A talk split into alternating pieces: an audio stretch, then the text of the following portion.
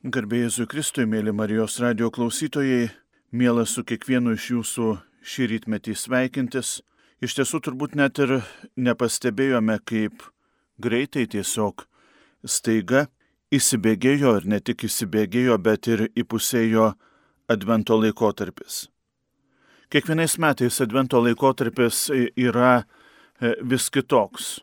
Kiekvienais metais šiuo laikotarpiu atrodo taip maža laiko, ir taip daug įtampos.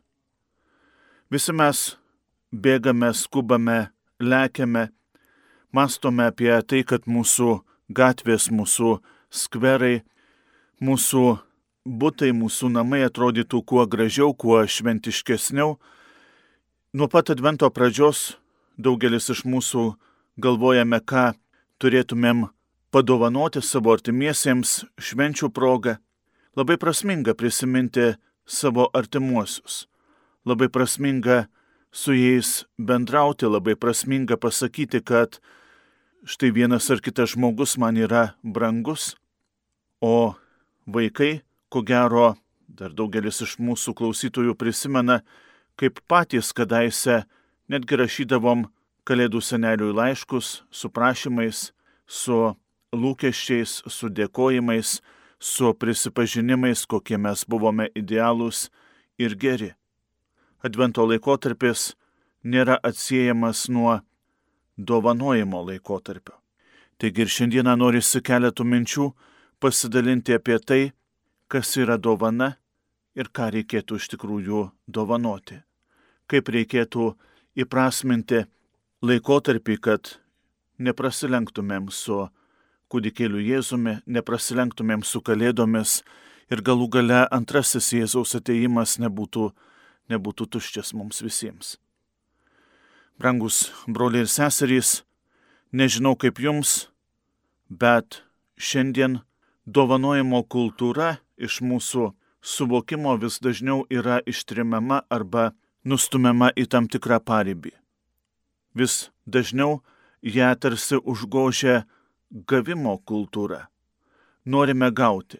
Norime gauti, kad mūsų dovana atitiktų tam tikrus kriterijus, kad būtų tam tikros spalvos, kad būtų pakankamai ori ir panašiai. Tačiau dažnai nesuvokiame, kad pats dovanojimas kaip procesas, jis niekaip nėra susijęs su kokia nors materialinė gerovė. Kai pagalvoji, Dievas kiekvieną iš mūsų yra daug kuo apdovanojęs. Ir ta dovanojimo teologija, galima sakyti, tęsiasi per visą pasaulio istoriją. Pačioje pradžioje Dievas juk dovanojo žmogui žemę, pasaulį, kad žmogus žemę valdytų, kad iš tiesų jis galėtų maitinti žemės vaisiais. Viešpats dovanojo daugybę pranašų išrinktai tautai, kurie atverstų tautos širdį į viešpatį, kai žmogus nusikalto, kai žmogus pasislėpė nuo viešpaties viešpats pats, dovanodamas kūriniui savo laiką išėjo jo ieškoti. Ir galų galegi pats viešpats tampa dovana mums visiems. Jis ateina į žemę kaip mažas kūdikėlis, kad išgelbėtų kiekvieną iš mūsų ne tik ateina, bet ir su mumis pasilieka. Su mumis pasilieka kaip duona, skirta ne tik tai fiziniam, bet ir amžinajam gyvenimui.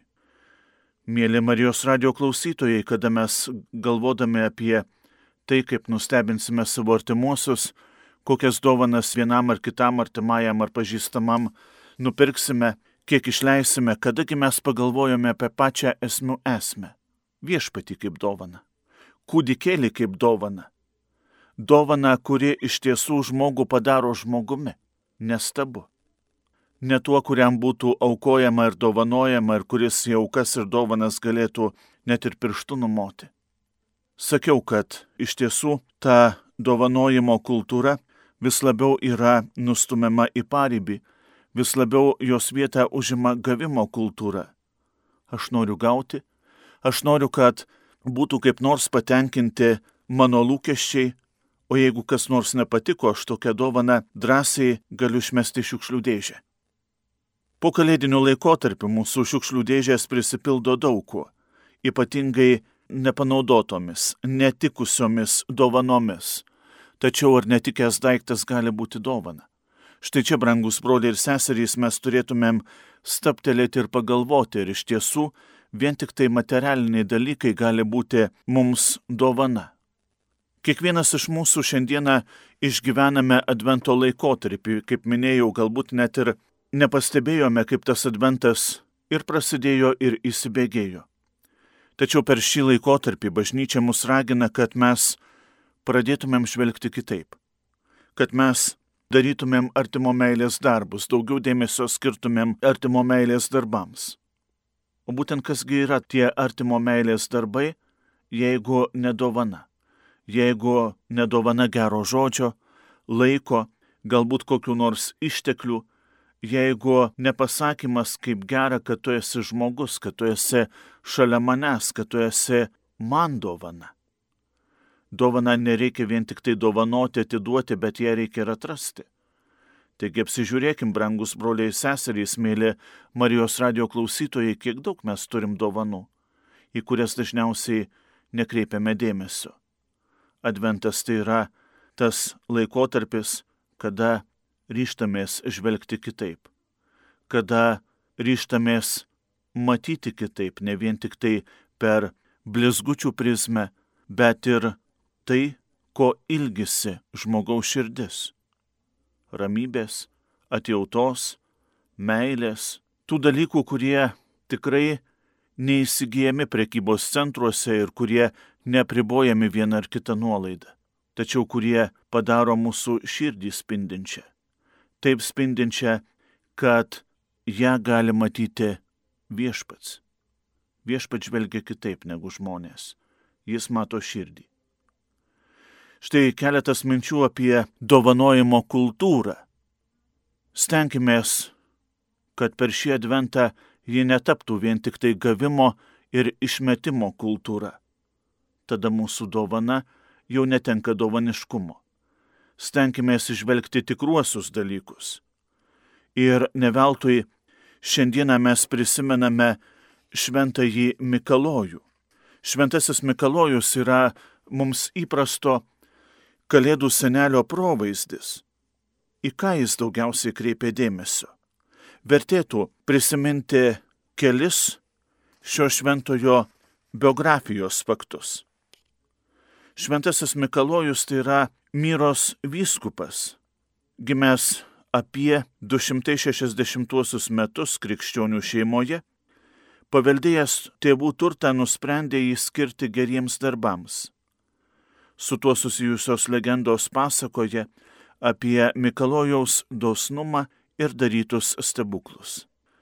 Pasak vienos legendos, vienas pataros gyventojas prarado visus savo turtus ir neturėdamas koduoti trims dukterims į kraitį, negalėjo jų ištekinti. Joms iškilo grėsmė būti parduotoms į vergyją, būti toms, kurios pardavinėja pačios save. Tai išgirdęs Mikalojus naktį pro langą įmetė auksinių pinigų kapšą į vyriausiosios duktės kambarį. Per kitas dvi naktis Mikalojus tokiu pat būdu padėjo ir kitoms dukterims. Dar kita legenda pasakoja, kad šventasis sudraudęs piktąją dvasę, kuri kėsinosi į vaikus.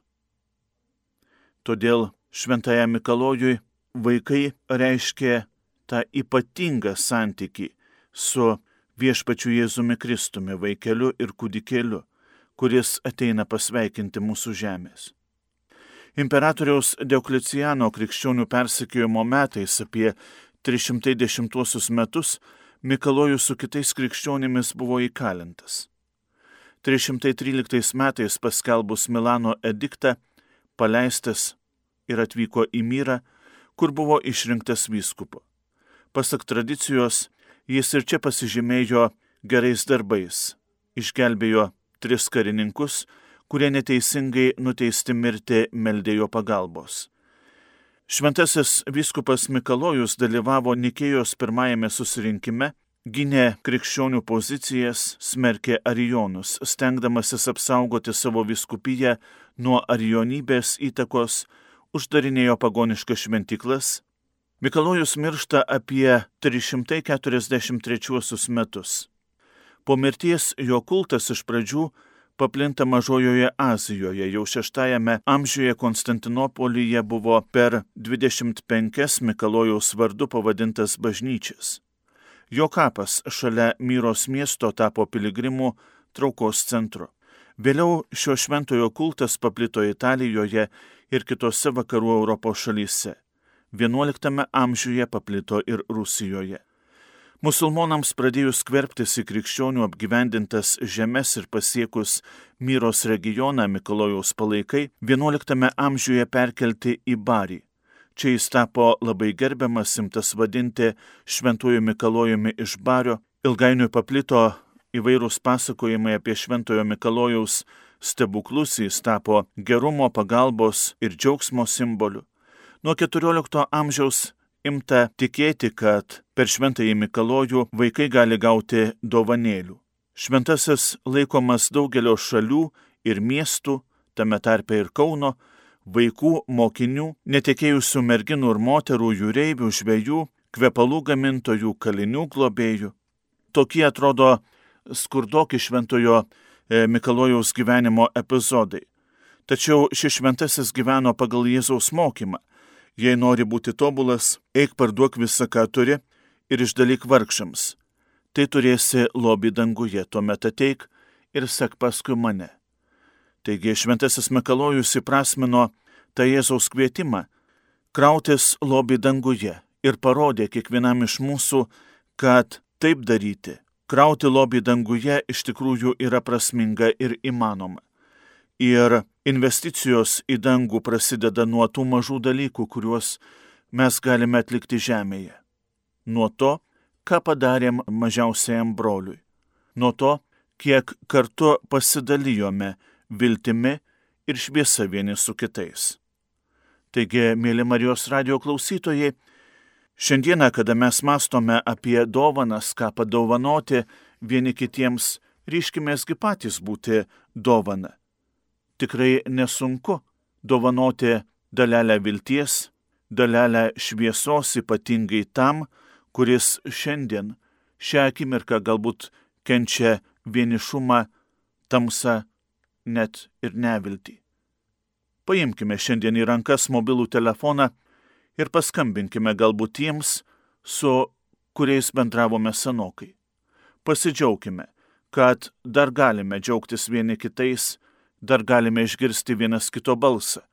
Ir tai bus didžiausia dovana - pasidalinta ir tikroji viltis.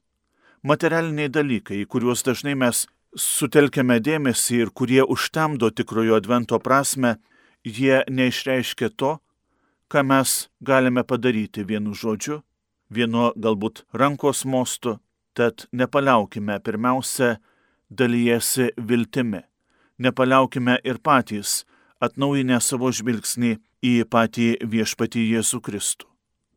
Ir kai mastome mes apie šventąjį Mikalojų, turėtume prisiminti ir tuos dalykus, kurie atrodo tiek kalėdiški, kad kartais net ir užmirštame tikrąją jų prasme.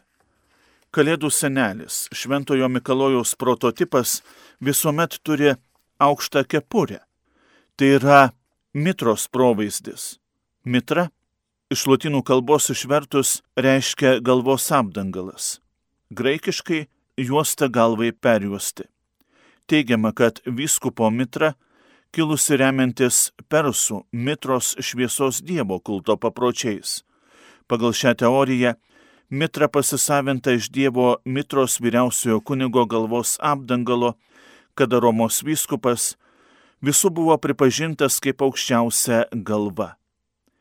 Taigi kepurė simbolizuoja mitrą, vyskupo ženklą, vadovavimo ženklą. Kalėdų senelis taip pat turi ir lasdą.